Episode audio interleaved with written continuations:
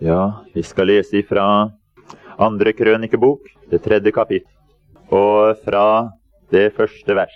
Vi var jo inne på tempelbyggeren i går, og vi fortsetter i dag med det tempelet som skulle bygges. Det er herlig å kjenne tempelbyggeren, men vi må også få del i dette tempelet som skal bygges. Det er mange de har del i tempelbyggeren. De kan snakke om Jesus, som frelsen, om hvor herlig Herren er. Men Gud han ønsker ikke bare om at vi skal se hvor herlig Han er, men vi skal også se hvor herlig det verk er som han skal utføre.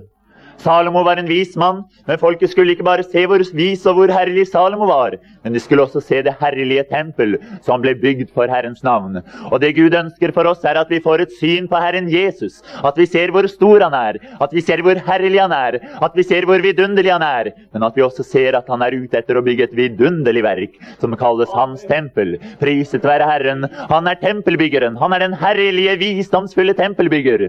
Men han bygger også et tempel, og vi må ha med oss begge begge deler. Vi må være opptatt med Han, og vi må være opptatt med det tempel som Han bygger. Mange de kan være så opptatt med Herren og med Herrens budskap og med at alt skal liksom gå rett for seg, men så glemmer de tempelet midt oppi det hele. Men Herren Jesus han ønsker å bygge et tempel. Salomo han skulle ikke bare leve der for seg selv med sin visdom, men han skulle bygge et tempel. Og slik er også Jesus kommet for å bygge tempel. Som vi leste i går, han sa 'riv dette tempel ned', og på tre dager så skal jeg bygge det opp igjen. Så skal jeg igjen reise det igjen. For det er nemlig det han er kommet for. Å gjenreise et tempel og få et sted hvor Gud den allmektige kan bo. Det er det Gud er interessert i. Det er det Gud har vært ute etter. At han kan ha et sted å bo her på denne jorden. Iblant oss mennesker så ønsker Gud å ha et sted å bo. Derfor ble det sagt når Jesus kom, at han skal kalles Immanuel. Det er Gud med oss. Det er ikke vi som har valgt Gud til å være med oss, men det er Han som har valgt å være med oss. Priset være Herren. Han har valgt å være her. Og når Han har valgt å være her, så må vi se etter hvor er det Han skal bo hen. Og skal Han være her, så må Han bo et sted. Og Herren, Han har sagt at Han bor i et tempel. I et tempel i det høye og hellige bor du. Men han bor også i et tempel her nede på jorden, som skal bygges for ham. Og dette tempelet er den sønderbrutte og sønderknuste ånd, som han også sier. Men la oss lese her ifra andre krønikebok, det tredje kapittel. Så begynte Salomo å bygge Herrens hus i Jerusalem, på Moriafjellet. Det var der Herren hadde åpenbart seg for hans far David, på det stedet David hadde gjort i stand, på jebusitten Ornans treskeplass.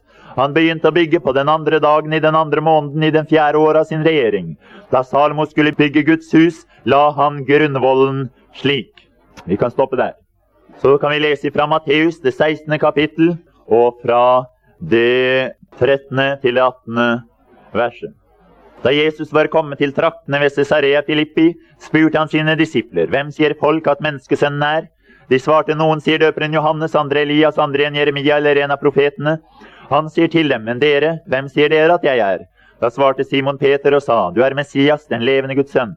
Jesus svarte ham og sa, Salig er du, Simon Jonas' sønn, for det er ikke kjøtt og blod som har åpenbart dette for deg, men min far i himmelen. Jeg sier deg at du er Peter, og på denne klippet vil jeg bygge min menighet, og dødsrikets porter skal ikke få makt over den. Vi ser her at uh, Guds menighet, den skal bygges på en klippe. Guds menighet skal bygges på en klippe, og Herrens tempel ble bygd på en klippe. Det står her at han skulle bygge Herrens hus i Jerusalem på Moriafjellet. Det skulle bygges på et fjell. Det skulle bygges på en solid klippegrunn. Det var der Gud hadde bestemt at hans tempel skulle bygges. Det er ikke hvem som helst som kan få beskjed om at hans hus skal bygges. Det står her at huset skulle bygges der Herren hadde åpenbart seg for hans far David. Huset skulle bygges på åpenbarelsesstedet. Og den som fikk beskjed om at Jesus ville bygge sin menighet, det var også han som hadde åpenbarelsen av hvem Jesus var. Uten åpenbarelse så nytter det ikke å skulle bygge noen ting for Gud. Hvis vi ikke har åpenbarelse, så nytter det ikke å skulle gjøre noe for Gud. Men det vi gjør for Gud, må være basert på en åpenbarelse av Ham. At vi har sett Herren. Det er det som er det nødvendige. Derfor så sier Paulus at hans tjeneste det begynte etter at Gud hadde åpenbart Hans sønn i ham. Etter at han hadde fått en åpenbarelse av Jesus Kristus i sitt indre, så kunne han begynne i sin tjeneste. Og alt vi gjør, må være basert på en åpenbarelse fra den allmektige Gud. Her ser vi at det stedet som tempelet skulle bygges på, som var grunnlaget for tempelet, det var Moriafjellet, står det, på jebusitten Ornans treskeplass. Fjellet det skulle bygges på, var Moriafjellet, og stedet det skulle bygges på, var Ornans treskeplass. Hvis vi skal bygge et tempel, så er det nødvendig at vi vet hvor det skal bygges. At vi vet hva som er grunnvollen, hva som er fundamentet for dette tempelet. Guds tempel kan ikke bare settes opp hvor som helst, men det er et bestemt sted som han sier at som jeg er utvalgt for å la mitt navn bo der. Og det stedet han har utvalgt for å la sitt navn bo, det er der som vi må bygge opp tempelet. Det er der som tempelet må bygges. Derfor var det viktig at det skjedde på Moriafjellet og på jebusitten Hornans treskeplass. Hvorfor på Moriafjellet? Jo, vi kjenner jo til fra første Mosebok det 22. kapittel og det andre verset. Vi kan ta fra det første. En tid etter dette skjedde det at Gud satte Abraham på prøve. Han sa til ham, Abraham, og han svarte, ja, her er jeg. Da sa han, ta nå din sønn, din eneste ham som du har så kjær Isak, dra til Morialandet og ofre ham der som brennoffer på et av fjellene som jeg skal vise deg. Dra til Morialandet og ofre ham der på et av fjellene som jeg skal vise deg. Her sier Gud at han skulle vise et fjell, og det fjellet skulle være stedet der sønnen skulle dø. Fjellet skulle være stedet der sønnen skulle ofres. Og det stedet som tempelet ble bygget, det er det stedet hvor sønnen ble ofret. Det er bygget på Jesu blod, på forsoningen. Og noe annet er det ikke mulig å bygge Guds tempel på. Skal vi bygge et sted hvor Gud skal, skal bo, så må vi vite at det må være fundamentert på forsoningsstedet. Det må være fundert på Jesu død. Hvis ikke så er det ikke et sted hvor han bor. Han kan ikke bo hvor som helst. Vi kan ikke bygge et tempel og si at her skal vi ha det herlig sammen med Gud. Her skal Gud bo. Nei, Gud kan først bo på det sted hvor forsoningen har funnet sted. Det er det stedet hvor Gud kan bo. Det er det eneste sted hvor det kan bygges et tempel for Gud. Det er på forsoningens solide klippegrunn. Det var et, et fjell, og dette fjellet var Moriafjellet. Det var det fjellet som Gud skulle peke ut for Abraham. Det var ikke et hvilken som helst fjell han skulle gå på. Gud sa ikke bare 'vel deg ut et fjell og gå opp der', men Gud visste hvilket fjell det var som tempelet skulle bygges på. Derfor så sier han til Abraham at nå skal du gå av sted til et spesielt fjell. Du vet kanskje ikke hvorfor akkurat det fjellet skal velges. Men det er av en spesiell grunn du skal gå til det fjellet. For når du ofrer din sønn der, som et forbilde på Jesus Kristus, Guds sønn, som skal ofres, så skal du med det vise. Du har ikke den åpenbarelsen ennå, Abraham, at du kan skjønne at jeg skal bo der i et tempel en gang. Men du skal allerede ved dette vise at forsoningen har til hensikt å resultere i et tempel. Forsoningen har ikke bare til hensikt å fjerne bort det som er galt, og fjerne bort synden, men forsoningen har til hensikt å rense grunnen for et tempel. Det er det som er forsoningens hensikt. Ikke bare at vi skal si at ja, nå, nå er jeg blitt frelst, og nå unnslipper jeg helvete. Nå unnslipper jeg fortapelsen. Jeg unngår å gå fortapt. Det er ikke Guds mål. Det er ofte menneskers mål at de sier 'be for meg, jeg ønsker ikke å gå fortapt'. Men Guds mål er noe langt større enn det. Han sier at forsoningen den er til stede for å rydde en grunn, for å rive bort alt rask og all synd som ligger der, for at der skal bygges et tempel hvor Gud den allmektige skal bo. Det holder ikke å si at jeg er møtt blodet. Men hva er resultatet av blodet? Er resultatet av blodet at det begynner å bygges et tempel der? At det begynner å bygges et hellig sted der Gud skal bo? Det er det som skal være resultatet av forsoningen. Vi skal ikke bare si som så at ja, jeg er like frelst som deg. Ja, du er like frelst som meg, jeg tviler ikke på det. Men det skal bygges et tempel her.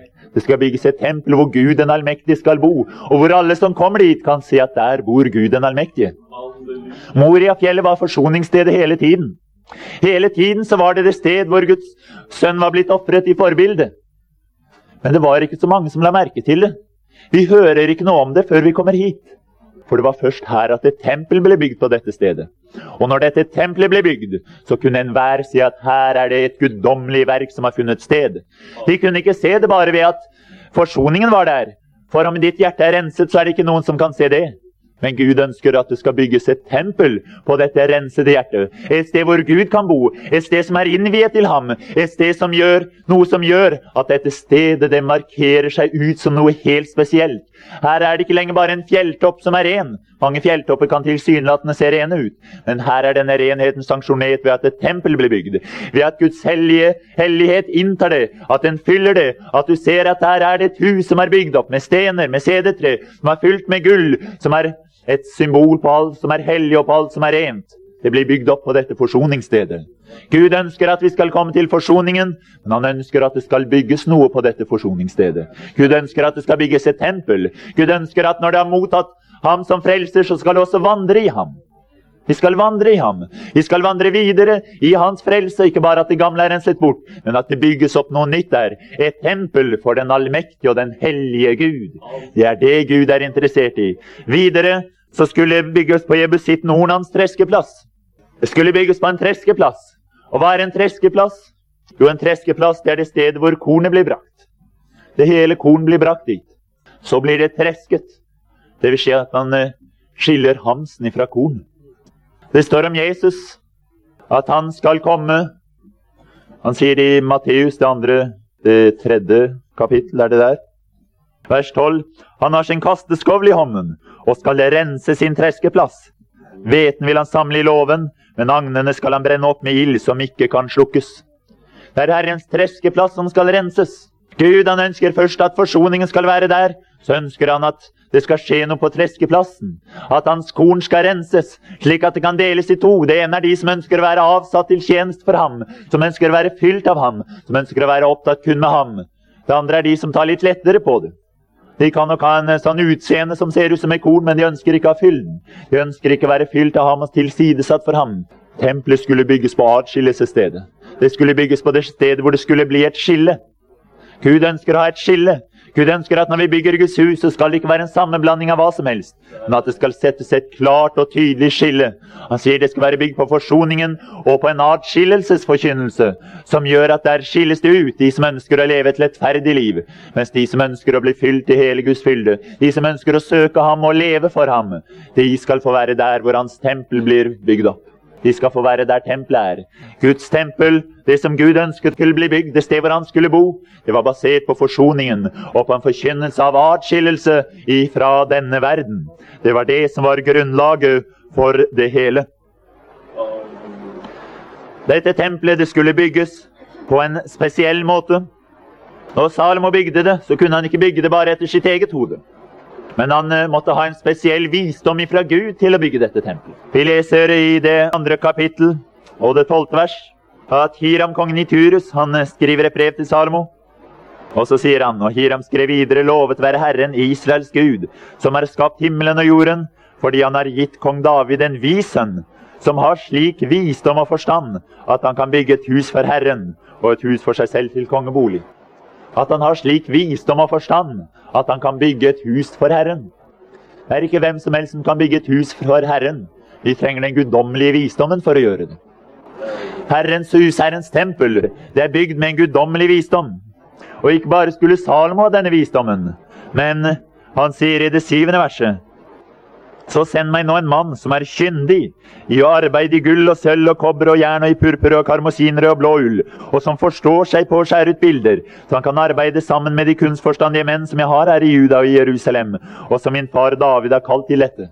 Det måtte være forstandige menn. Det måtte være folk som hadde forstand på dette. Alle som skulle bygge Herrens tempel, de måtte gjøre det med forstand, med visdom, med kunnskap. Derfor sier han i det 13. verset, jeg sender deg nå en kyndig og forstandig mann, Huramabi. Og videre, han forstår seg på arbeid. Han forstår seg på arbeid. Han hadde en visdom, en forstand ifra Gud. Videre så ser vi at dette tempelet det var bygget som et resultat av en villig innsats. Vi kan lese i første krønikebok, det 29. kapittel, det femte vers. Her har David først fortalt hva han har gitt. Så sier han videre i slutten av verset. Hvem er nå villig i dag til å fylle sin hånd med gaver til Herren? Da kom de villig med gaver, både familiens overhoder og Israels stammehøvdinger, og høvedsmenn over tusen, over hundre oppsynsmenn over kongens arbeid. De kom villig med gaver. Og vers 9. Og folket gledet seg over at de ga så villig, for med udelt hjerte ofret de villig sine gaver til Herren. Også kong David gledet seg meget. Og vi kan lese videre nedover fra det tiende vers. Og David priste Herren mens hele forsamlingen var vitne til det. Og han sa, lovet være du, Herre, vår far Israels Gud, fra evighet og til evighet. Herre, din er storheten og makten og æren og herligheten og høyheten. Ja, alt i himmelen og på jorden. Herre, ditt er rike, og du er opphøyet overalt og har alltid din makt. Rikdom og ære kommer fra deg, du råder over alle ting, og i din hånd er styrke og makt til å gi storhet og kraft til alle. Så priser vi deg nå, vår Gud, og lover ditt herlige navn. For hvem er vel jeg og hva er mitt folk, at vi skulle være i stand til å gi en frivillig gave som denne? Fra deg kommer det alt sammen. Din hånd er gitt oss, har vi gitt deg. For vi er fremmede, vi er sanket sammen for å bygge et hus for ditt hellige navn. De kommer fra din hånd, og ditt er det alt sammen. Jeg vet, min Gud, at du ransaker hjerter og har behag i oppriktighet. Av et oppriktig hjerte har jeg villig gitt deg alt dette, og med glede har jeg nå sett hvordan ditt folk som står her, villig har gitt deg sine gaver. Herre, du Abrahams, Isaks og Israels, våre fedres Gud, la dette alltid være ditt folks hjertelag og tanker, og vend deres hjerter til deg, og gi min sønn Salomo et udelt hjerte til å holde dine bud, dine vitnesbyrd og dine forskrifter, og fullføre alt sammen og bygge den herlige bygningen som jeg har samlet forråd til. Her ser vi altså at det skulle visdom til. En visdom og kunnskap i Herrens ord. Det var det som skulle til. Det skulle en villighet til. Og det tredje som skulle til, var at de satte inn det de har fått av Gud, til tjeneste for tempelet. Han sier her at 'Hvem er vel jeg og var mitt folk, at vi skulle være i stand til å gi en frivillig gave som denne?' Fra deg kommer det alt sammen, og av det som din hånd har gitt oss, har vi gitt deg. Det var bygd med visdom, det var bygd med villighet, og det var bygd med hva Herren ga. Paulus sier også når han bygger menigheten, at 'jeg har lagt grunnvollen', sier han, som en vis byggmester. Jeg har lagt grunnvollen som en vis byggmester. De som skal bygge Guds menighet, de må ha visdom, en kjennskap til Herrens ord, Herrens plan, og en visdom fra Gud i å bygge dem på rette måte. Dessuten så må de være villige. De må stille seg til tjeneste for Gud, slik at de ikke bare sier som så at ja, jeg ønsker å leve med Herren, men at de også sier at de ønsker å bygge tempel. At de ikke bare sier at de ønsker et Moria-fjell hvor forsoningen har vært, men at de sier jeg ønsker å være med i at Herrens tempel skal bli bygd på dette stedet. At Herrens tempel kan bli bygd opp på forsoningsstedet. Jeg ønsker å bygge et sted hvor Gud kan bo. Det krever en visdom, og det krever en villighet. Og det krever at vi investerer de gaver Gud har gitt oss, til dette formål. De gaver Gud har gitt, kan brukes til mange ting. Gud har gitt gaver som man kan bruke til selvforherligelse til oppbyggelse for seg selv, mens man glemmer alle andre. Man kan bruke gaver for å være stolt over seg selv og fortelle hvor stor man er i seg selv. Gavene kan brukes til det, men de gaver Gud har gitt, visst står det at vi skal søke de i rikelig mål til menighetens oppbyggelse. Det skal søkes i rikelig mål til, være, til oppbyggelse for det verk Gud har gjort. Gud ønsker ikke bare at vi skal ta imot det Han gir i rikelig mål, men at vi skal gjøre det til oppbyggelse. Til å være med å bygge opp det tempel, den bolig som Gud har. Gud ønsker et sted å bo. Det er det han er ute etter. Det er det han er interessert i å få. Et sted hvor han kan bo. Et sted hvor hans navn kan være, hvor han kan bo fast. Og dette stedet må vi være med på å bygge opp. Han sier her i vers 12.: Rikdom og ære kommer fra deg. Du råder over alle ting, og i din hånd er styrke og makt til å gi storhet og kraft til alle. Det er noe spesielt med det å virke i tjenesten for Gud. Han har styrke og makt til å gi storhet og kraft til alle. Men er det mulig, da? Kan man få storhet og kraft? Ja, noen kan jo få det. Men her står det at han kan gi det til alle. Ja, men hvis du er stor, kan da jeg være stor. Hvis du er stor, så må vel jeg være nokså liten. Og hvis jeg skal klare å bli stor, så må jeg forsøke å dytte ned deg for at jeg kan bli større enn deg. Slik er det i verden. Men hvis vi virker og arbeider på Guds hus, så er det slik at det kommer en kraft og en makt ifra Ham som gir storhet og kraft til alle. Til alle. Så blir du stor, og så blir jeg stor. Og så er det ingen konkurranse der, for vi har fått det fra Herren, som, gir, som har styrke og makt til å gi storhet og kraft til alle. Så kan Han gi meg en storhet, at jeg kan leve i den tjenesten som Han vil at jeg skal være i, på en storartet måte. Og så vil Han gi deg storhet, slik at du kan leve i den tjenesten Han har gitt deg, på en storartet måte. Slik at den tjenesten jeg utfører, kan være herlig innenfor Gud. Og den tjenesten du utfører, kan være herlig innenfor Gud. Det er kun Han som har denne makten. Hvis vi bygger noe annet enn Guds hus, hvis man ser på menneskelige organisasjoner, hvis man ser på menneskelig byggverk, så er det slik at når den ene blir stor, så må den andre bli liten. Og måten å bli stor på, det er å tråkke ned alle de andre. Der har man kampvoteringer hvor den ene velges og den andre vrakes. Den ene blir stor, og den andre blir liten. Men i Guds hånd er det styrke og makt til å gi storhet og kraft til alle. Hvis vi finner vår plass i Guds hus, så er det en storhet som følger med det. Da kan vi prise Herren og si at jeg har fått en storartet tjeneste. Jeg har fått en vidunderlig tjeneste. Ja, hva er din vidunderlige tjeneste? Jo, jeg bare vant til gudstjenesten. Det er en storartet tjeneste. Priset være Herren, for Han har gitt meg en storhet i denne tjenesten. Å, jeg har fått en tjeneste fra Gud. Ja, hva gjør du, da? Nei, jeg er bare ved som skal til til ofringene. Er det en storartet tjeneste? jeg har priset være Herren. Når Herren ga den til meg, så ble det storhet og kraft i det. Og jeg kjente at Han ga meg kraft til å utføre denne tjenesten. For det er en tjeneste på Guds hus, og Han gir storhet og kraft til alle. Så står den ene der og prest, og den andre levitt, og den ene står og synger. Den andre spiller. De bærer frem offer, de slakter, de holder på på alle forskjellige måter. Og de kjenner at Herren, han har styrke og makt til storhet og kraft til alle, til enhver tjeneste. Ingen som trenger ønske å ha en annen tjeneste, for en kjenner at Gud har gitt meg en storhet i den tjenesten jeg har, og jeg ønsker ikke å bytte den bort for alt i verden. Priset være Herren. Den tjeneste jeg har fått, er en storartet tjeneste, for det er en tjeneste i Guds hus. I Hans hånd er det styrke og makt til å gi storhet og kraft til alle. Gud, han bygger sitt tempel. Og hvordan er det at Gud bygger sitt tempel? Jo, vi var inne på i går at når tempelet skulle bygges, så skulle, var det et hus som skulle bygges gjennom et hus som Gud bygde. Og det hus som Gud bygde, var Salomo, Guds sønn. Og gjennom sønnen så var det at tempelet skulle bygges. Det første hus var en sønn. Og det står i Hebrebrevet, det første kapittel og det andre vers, at etter at Gud i mange ganger og på mange måter har talt til fedrene i profetene, har han i disse siste dager talt til oss i Sønnen.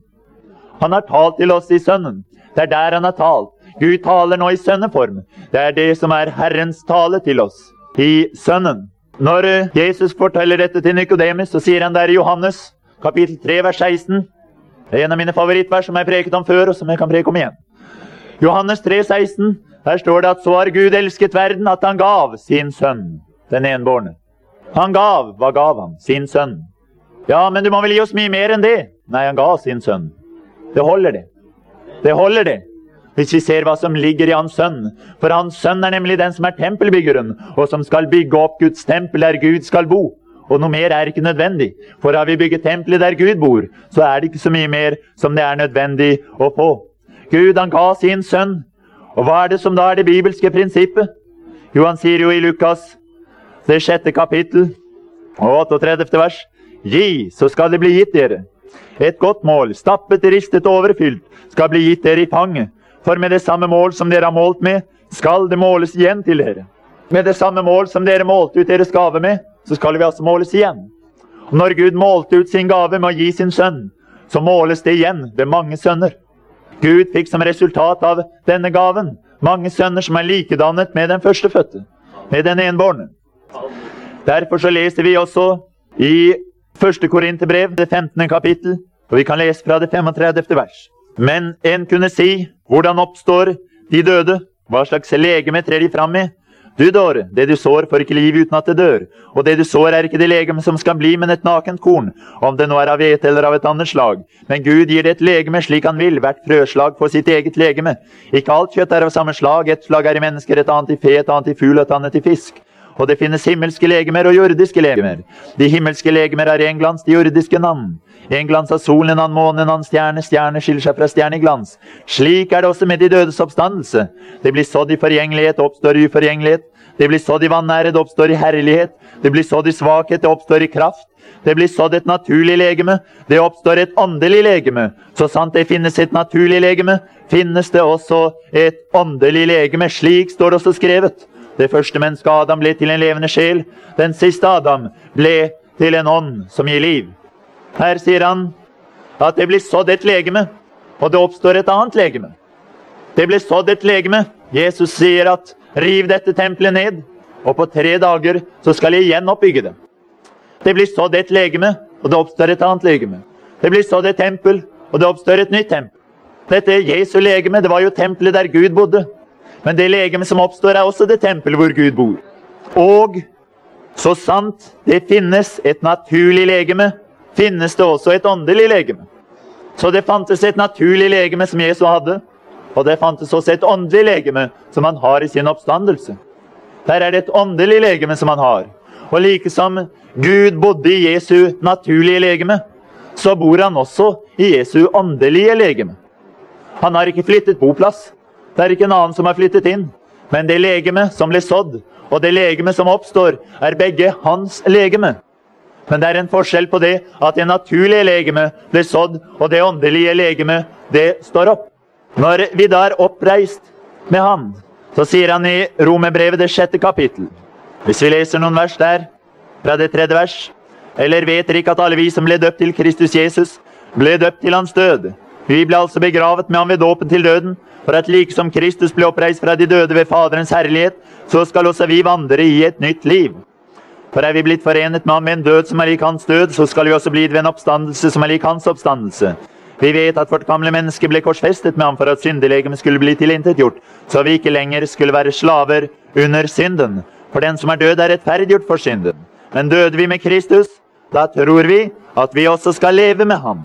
For vi vet at etter at Kristus er oppreist fra de døde, dør han ikke mer. Døden har ikke lenger noe makt over ham. For sin død den døde han en gang for synden. Men sitt liv, det lever han for Gud. Så her ser vi at vi er blitt forenet med han med en død som er lik hans død. Og han sa, som vi var inne på i går, at når jeg blir opphøyd fra verden, så skal jeg trekke alle til meg. Han trakk alle til seg på hans kors. Derfor når han ble korsfestet, så ble jeg korsfestet med ham. Når han ble oppreist, så ble jeg oppreist med ham. For å leve i et nytt liv. Men var jeg i hans legeme på korset når jeg ble korsfestet med ham, så er jeg også i hans legeme når jeg blir oppreist med ham. Og liksom dette naturlige legemet døde, så er det et åndelig legeme som oppstår. Og vi er da en del av dette åndelige legemet, som fortsatt er hans tempel. Så dette tempel som blir oppreist, er altså det åndelige legemet, som er hans menighet. Vi kan lese fra første Korinterbrev, det sjette kapittel, og det 19. til 20. vers. Og her ser vi en utvikling i det som har med Herrens tempel å gjøre. Han sier der, eller vet dere ikke at deres legeme er et tempel for Den hellige ånd som bor i dere, og som dere har fått fra Gud? Dere tilhører ikke lenger dere selv. Dere er dyrt kjøpt. La da legeme være til ære for Gud.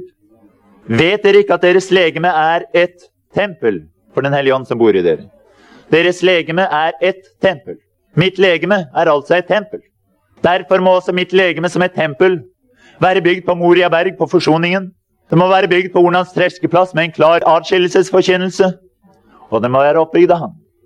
For mitt legeme er et tempel. Så leser vi andre korinterbrev. Også der det sjette kapittel. Og det 16. vers.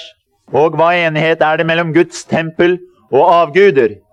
Vi er jo den levende Guds tempel. Som Gud har sagt, jeg vil bo hos dem og ferdes iblant dem, jeg vil være deres Gud, og de skal være mitt folk. Gå derfor ut fra dem og skill dere fra dem, sier Herren, og rør ikke noe urent. Da vil jeg ta imot dere. Jeg skal være deres far, og dere skal være mine sønner og døtre, sier Herren, den allmektige. Vi er jo den levende Guds tempel. Men var det ikke mitt legeme som var et tempel? Hvis mitt legeme er et tempel, da må også ditt legeme være et tempel. Og det blir to templer. Og da blir det nokså mange templer her. Men der står det at vi er et tempel. Her ser vi altså at vårt legeme, hver enkelt av oss, er et tempel for Den hellige ånd. Men til sammen så er vi også ett Guds tempel som Herrens menighet. Han sier i 1. Korinterbrev, det tredje kapittel og det 16. vers Vet dere ikke at dere er Guds tempel? Altså ikke at dere er Guds templer, men at dere er Guds tempel. Dere i flertall er Guds tempel igjen. Og at Guds ånd bor i dere.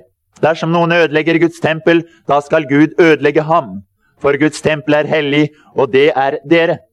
Så ikke Guds templer er hellig, og det er dere, men Guds tempel er hellig, og det er dere.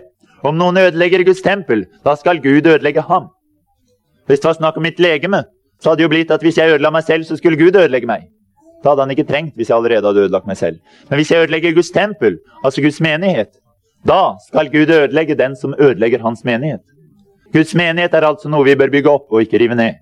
For ødelegger vi den, så har Gud sagt at han vil ødelegge oss. Men hvordan kan det ha seg at vi både enkeltvis er et tempel, og at vi til sammen er et tempel som Guds menighet? Det leser vi i 1. Peter, det andre kapittel og det fjerde vers. Kom til ham, den levende stein, som vel ble vraket av mennesker, men er utvalgt og dyrebar for Gud, og blir også selv oppbygd som levende steiner til et åndelig hus, til et hellig presteskap, til å bære fram åndelige offer, slik som er Gud til behag ved Jesus Kristus. For det heter i Skriften, så jeg legger i Sion en hjørnestein, utvalgt og dyrebar, den som tror på ham, skal ikke bli til skamme. Her ser vi altså at Jesus, han er den levende stein. Han er den levende sten. Jesus, han er her en sten. Ikke bare en hvilken som helst sten, han er en levende sten. Han er nemlig fylt med Guds liv. Han er en levende sten. Dette er klippen som fulgte dem var Kristus? Dette var den levende sten. Men denne stenen, den står det at vi skal bli likedannet med. Bli også selv, altså Kom til ham, den levende sten, og bli også selv oppbygd som levende steiner. Vi skal bli lik ham. Og når vi er blitt lik ham, så skal vi oppbygges for å bli noe nytt som også er lik ham. Vi er lik ham, og er han et tempel for Gud, hvor Gud bor? Var han Guds hus hvor Gud bodde, så skal også vi være Guds hus hvor Gud bor. Enkeltvis. Men i tillegg så skal vi oppbygges til å være et tempel for ham som Guds menighet. Begge deler er sant, både at jeg er et tempel, og at jeg skal bygges opp sammen med de andre til et, en Guds bolig i ånden. Sammen med de andre. Når vi kommer til Gud, så er det første som skjer, at vi får Hans liv i oss. Vi tar imot Hans ord, og vi blir fylt med Hans kraft for å være Hans tempel. Det leser vi jo i andre krønikebok, det femte kapittel. Vi kan ta fra det femte vers, og de bar opp arken og sammenkomstens telt, og alle de hellige kar som var i teltet, det var de levitiske prestene som bar dem opp. Og kong Salomo og hele Israels menighet som hadde samlet seg hos ham, sto foran arken, og de ofret småfe og storfe i slik mengde at de ikke kunne telles eller regnes. Prestene bar Herrens paktsark inn på dens plass i husets innerste rom, i det aller helligste under kjerubenes vinger. For kjerubene bredte vingene ut over det sted hvor arken sto, så kjerubene ovenfra dekket både over arken og bærestengene. Stengene var så lange at en kunne se enden av dem fra det hellige foran det innerste rommet, men ikke utenfra. Og der har arken vært til denne dag. Det var ikke noe annet i arken enn de to tavlene som Moses hadde lagt ned i dem ved Horeb, den gang Herren sluttet pakt med Israels barn da de dro ut av Egypt. Så gikk prestene ut av helligdommen. Altså Her ser vi at ordet føres inn i helligdommen. Guds ark, det var det sted Gud bodde. Og det var ikke noe annet der enn de to lovens tavler. Det var ikke noe annet enn ordet der. Men Gud, han sa at han tronet på kjerubene. Han tronet et sted hvor ordet var. Og derfor, når ordet var flyttet inn i tempelet, så var det et Guds tempel.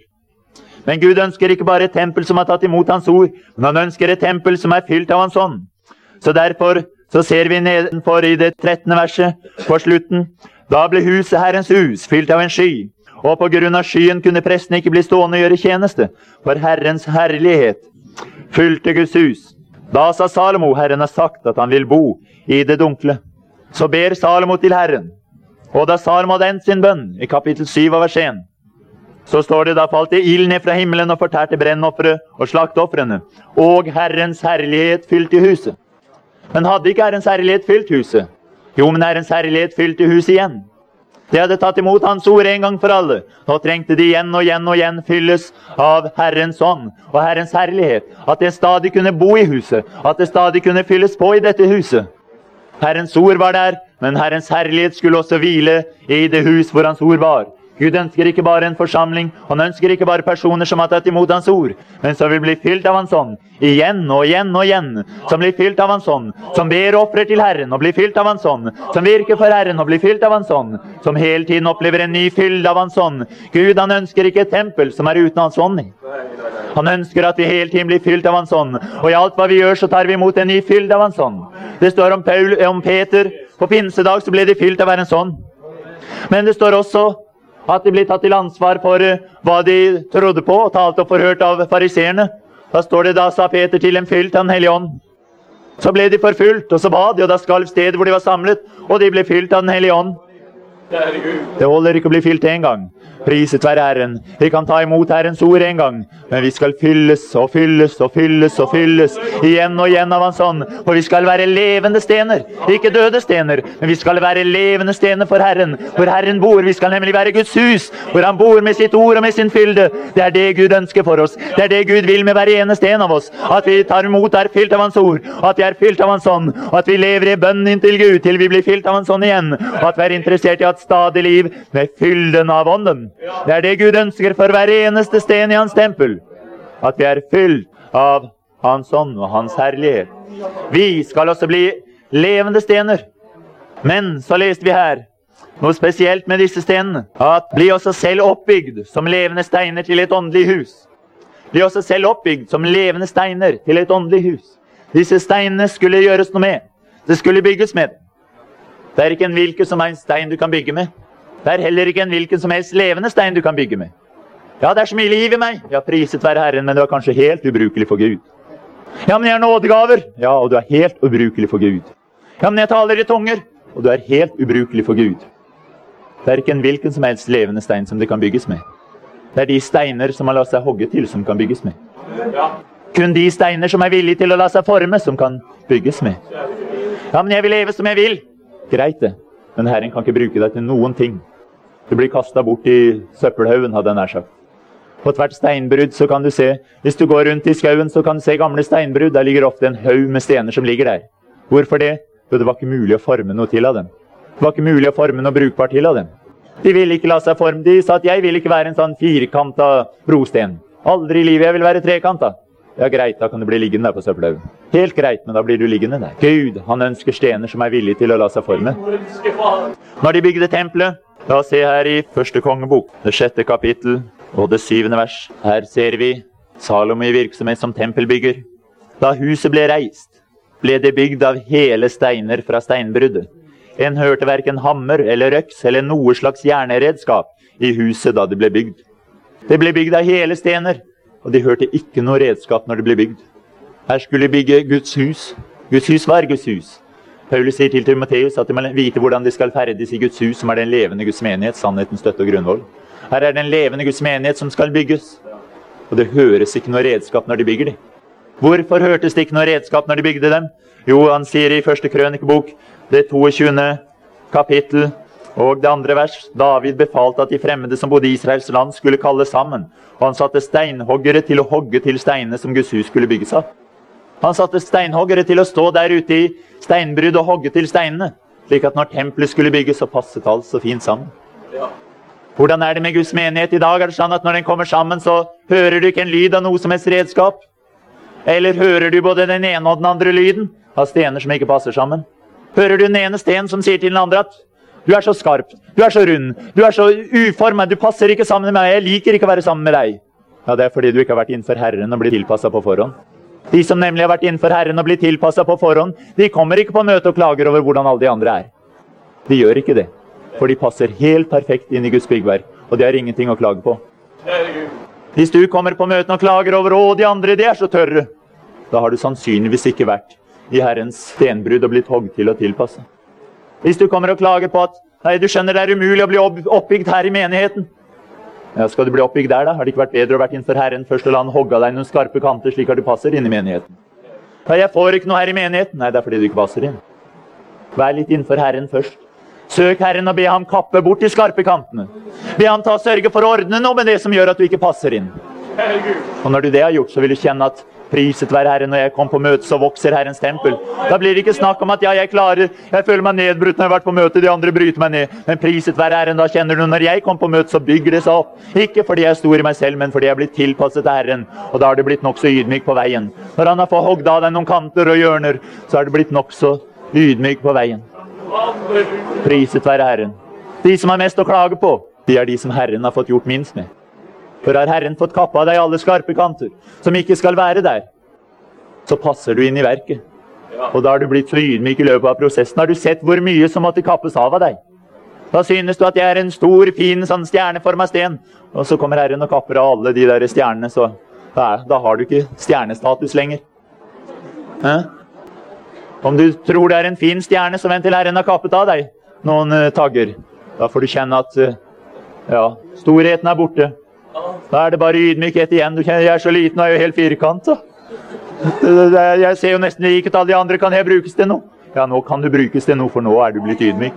Nå passer du inn i Herrens verk. Priset være Herren.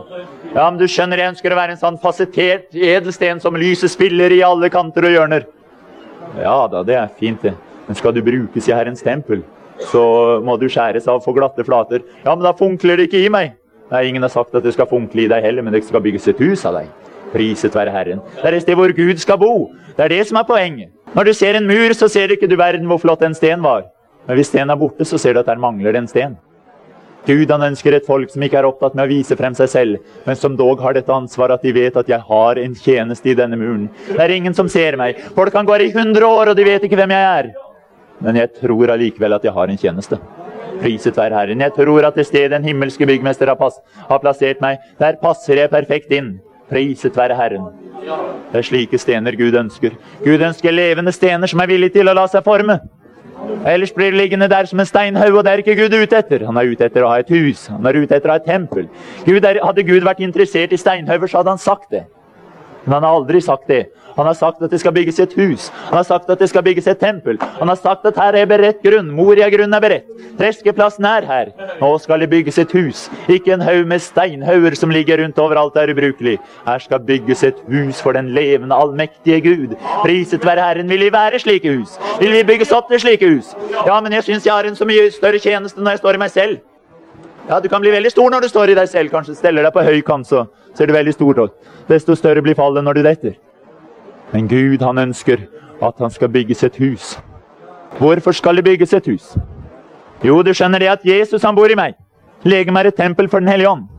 Gud han bor også i deg. Ditt legeme er også et tempel for Den hellige ånd. Men så bygges disse steinene opp der. Jesus sier om tempelet i Jerusalem ikke sant? skal ikke bli sten tilbake på sten. Og Det er slik tempelet er bygd opp. Sten på sten. Sten på sten. Sten ved siden av sten. Så ligger disse stenene der ved siden av hverandre. Så ligger disse stenene oppå hverandre. Så ser du at tempelet blir bygd opp av slike stener som ligger der. Og hva sto det? Hva var det vi leste? Og det vi leste, var at da ble huset, Herrens hus, fylt av en sky. Hva? Da ble hver eneste sten fylt av en sky? Ikke det det står. Da ble huset fylt av en sky. Det er noe med det at når Guds menighet kommer sammen, i ydmykhet, i hellig tilpassethet til hverandre, som kommer sammen for å oppbygge hverandre, kommer sammen for å kappes om å hedre hverandre, kommer sammen for å opphøye den hellige, levende, allmektige Gud, da er det noe som skjer. Da kommer Guds herlighet til stedet. Og den bor der. Ja, I hvilken sten bor den? Ikke i noen av stenene. Den bor midt i huset. I det huset som er bygd opp av stenene. Ja, men hvor er den? Kan du peke ut hvor den er? Jeg kan ikke peke ut hvor den er, for herligheten den er der. Bare der stenene er satt sammen på rette vis, der er Guds herlighet. Der er Guds herlighet sky til stede. Ja, var den i meg? Ja, den er i meg også, men akkurat den spesielle herligheten, den var ikke i meg. Ja, var den i deg, da? Den var ikke i deg heller.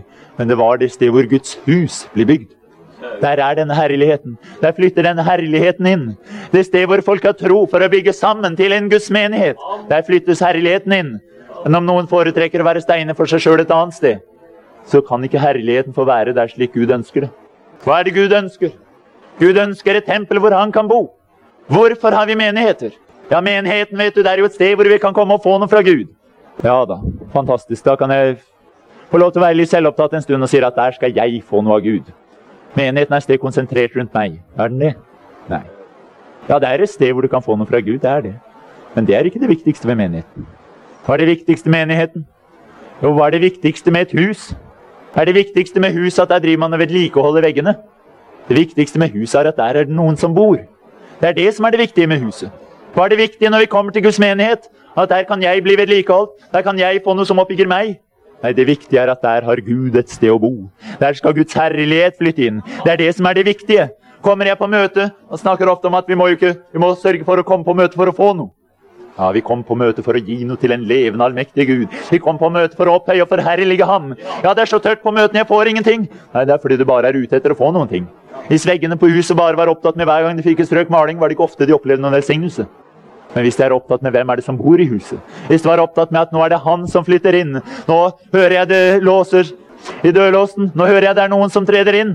Da kan de veggene glede seg hver eneste dag. Priset være Herren. Herren er til stede. Hvorfor kommer du på møte? Jeg kommer til møte for å prise Herren. Jeg kommer på møte fordi jeg vet at der har Herren et sted å bo. Hvorfor er det du priser Herren? For at Herren skal flytte inn med sin herlighet. Hvorfor er det du går på møtene? Jo, for at Herren skal flytte inn i sin menighet med sin herlighet. Det er derfor jeg kommer. Det står at hver ånd som ikke bekjenner Jesus, er ikke av Gud. Den ånd som er av Gud, den bekjenner Jesus. Den forherliger han. Den opphøyer han. Den løfter han opp. Priset være Herren. Det er det ånden som er av Gud, gjør. Den sørger for å forherlige og opphøye Herren Jesus. Ja, men skal vi ikke vitne, da? Jo da. Men ditt vitnesbyrd må forherlige Jesus. Skal vi ikke forkynne Herrens ord? Jo, men din forkynnelse må forherlige Herren Jesus. Skal vi ikke synge sanger? Jo, men sangene skal forherlige Herren Jesus. Det er Guds herlighet som bor i huset. Det er Guds herlighet som skal være stor.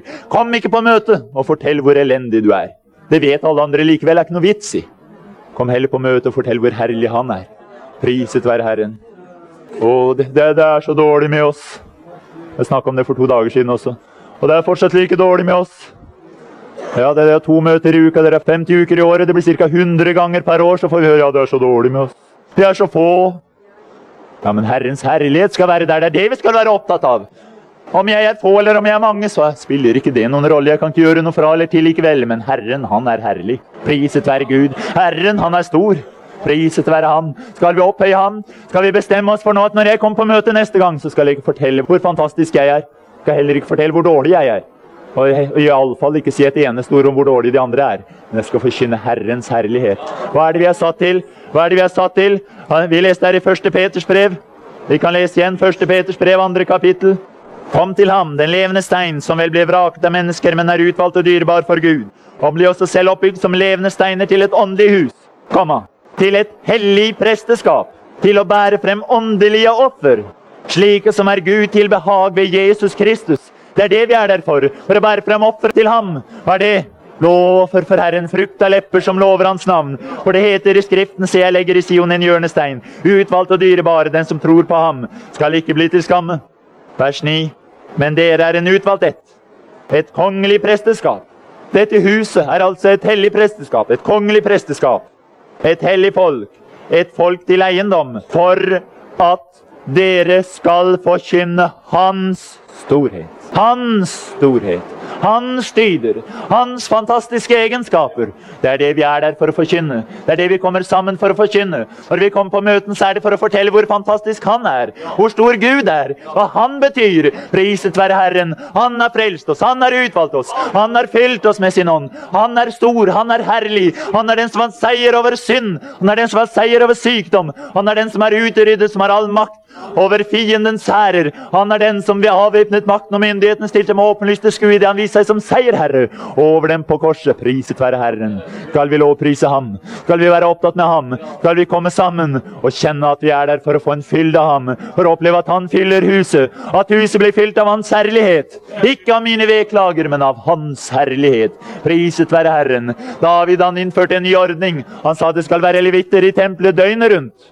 24 timer i døgnet. Og de skal prise Herren. Det var det du skulle være opptatt av. I andre krønikebok, det 23. kapittel, i det 18. vers. Her eh, Tempelet ble jo bygd, men det kom ugudelige konger som ikke ville ha noe med Herrens tempel å gjøre. Så det forfalt. Men eh, så er det at gudstjenesten blir gjenopprettet igjen. Og så står det i vers 18 Jo, ja, da overlot tilsyn i Herrens hus til de levittiske prestene, som David hadde inndelt i skift for tjenesten i Herrens hus. De skulle ofre Herrens brennoffer, som skrevet er i Moselov, med glede og sang etter Davids forskrift. Moses, han hadde i loven gitt beskjed om hvordan gudstjenesten skulle være. De skulle ofre Herrens brennoffer, som skrevet er i Moselov. Men så kom David med noen forskrifter. Det vil si, det var ikke Davids forskrifter. Disse forskriftene de var gitt av Herren. Vi leser jo i det 29. kapittel og 25. vers. Han lot levitene stille seg opp i Herrens hus med symler og harper og sitarer, slik som David og kongen ser Gad og profeten Natan hadde foreskrevet. For det var Herren som hadde gitt denne forskrift gjennom sine profeter. Herren hadde gitt denne forskrift. Herren hadde kommet med en ny forskrift. Når de var i ørkenen, så drev levitene og bar rundt på tabernaklet. Nå trengte de ikke gjøre det lenger. Så er det at Herren kommer til David med ny forskrift. Han sier at Moses han er i loven beskrevet hvordan alt som er med ofrene og gudstjenesten skal være. Men Herren han kom til David og sa at alt dette som Moses har sagt, det skal dere gjøre med glede og sang etter Davids forskrift. Priset være Herren. De hadde fått vite alt hva de skulle gjøre. De hadde hele Skriftens ord som Moses hadde gitt dem. Og alt var rett. Intet var galt av hva Moses hadde gitt. Men nå sier de at nå skal det skje med glede og sang etter Davids forskrift. De visste at de skulle ofre, men nå sier David at dere skal glede dere når dere ofrer. Dere skal juble inn for Herren når dere holder på. Det skal skje med glede og sang etter Davids forskrifter. De visste at gudstjenesten skulle foregå på sånn og sånn måte. Men så sier David at det skal skje med glede og sang etter Davids forskrifter. Det første vi må gjøre, er å få tak i det Moses har sagt. Få tak i Skriften. Få vite hvordan skal Guds menighet være. Hvordan har han bestemt at den skal være? Hvilke regler gjelder for den? Hvilke bud har Moses gitt? Men så er det viktig at vi får med oss Davids siden også. At det skjer med glede og sang. At vi gjør det vi gjør med glede og sang. At vi jubler og fryder oss. Gud ønsker ikke et folk av død rettroenhet. Han ønsker et folk som gleder og fryder seg. Gud var til stede i tabernakelet når Herrens ord bare var der, og alt ble gjort på rette måte. Men Gud ønsker at Hans fylde skal være der enn større i et folk som følger Davids forskrifter med glede og sang. David han oppfant nye musikkinstrumenter. David han skrev nye sanger. Det var en ny tid som kom inn, hvor ikke bare sannheten trådde frem, men hvor det skjedde med glede og sang etter Davids forskrift. Priset være Herren. Vi vet at Gud han er interessert i å bygge et tempel. Så er spørsmålet hvilken side er vi på? Er vi også interessert i å bygge tempel? Er vi også ute etter å gjøre hva Herren holder på med? Eller vil vi holde på med våre egne ting? Gud sier ikke nei. Det er fullt opp til oss å holde på med våre egne ting. Da ender vi opp i et steinbrudd, en steinrøysa nede i bakken. Ikke særlig brukbart til noe som helst.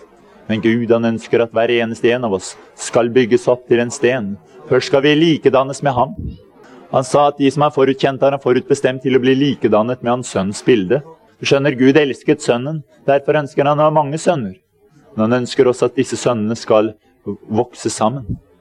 Vi kan først bli et tempel når vi er sønner for ham. Når vi er likedannet med den levende sten, så kan vi bygges opp som levende steiner. Når vi likedannes med ham og får samme form som ham, da kan han bruke oss til å bygge et tempel. For da blir vi helt lik ham. Og da får vi oppleve at som han var, så er vi i den verden. Som hans legeme var i denne verden, så er også vi som hans legeme i denne verden. Da gjenkjenner man oss når man ser på ham. Priset være Herren. Gud, han ønsker å bygge sitt tempel i vårt liv, den enkelte, i våre menigheter. Det er ikke våre menigheter, det er hans menighet. Hans menighet. Han har bestemt det. Han har det der som han vil. Og vi bør innrette oss etter det. Komme sammen for å la Hans fylde gripe tak i oss. For la motløshetsånden og alle andre ånder forsvinne. La kraftens ånd, kjærlighetens, sindighetens, fredens, gledens ånd ta tak i oss, og la det være med hva vi bringer med oss inn i Herrens tempel. La oss stå der med jubel for Guds åsyn, med bønn innfor Han, slik at Herrens herlighet igjen og igjen og igjen kan fylle Herrens tempel. Herrens tempel blir aldri fylt av Hans ånd som et resultat av klager. Herrens tempel blir aldri fylt av Hans ånd ved at du forteller hvor ille alle de andre er. Herrens tempel blir aldri fylt av Guds ånd hvis vi er opptatt med alt annet enn Han. Men er vi opptatt med Han som bor der, så flytter han inn. Amen.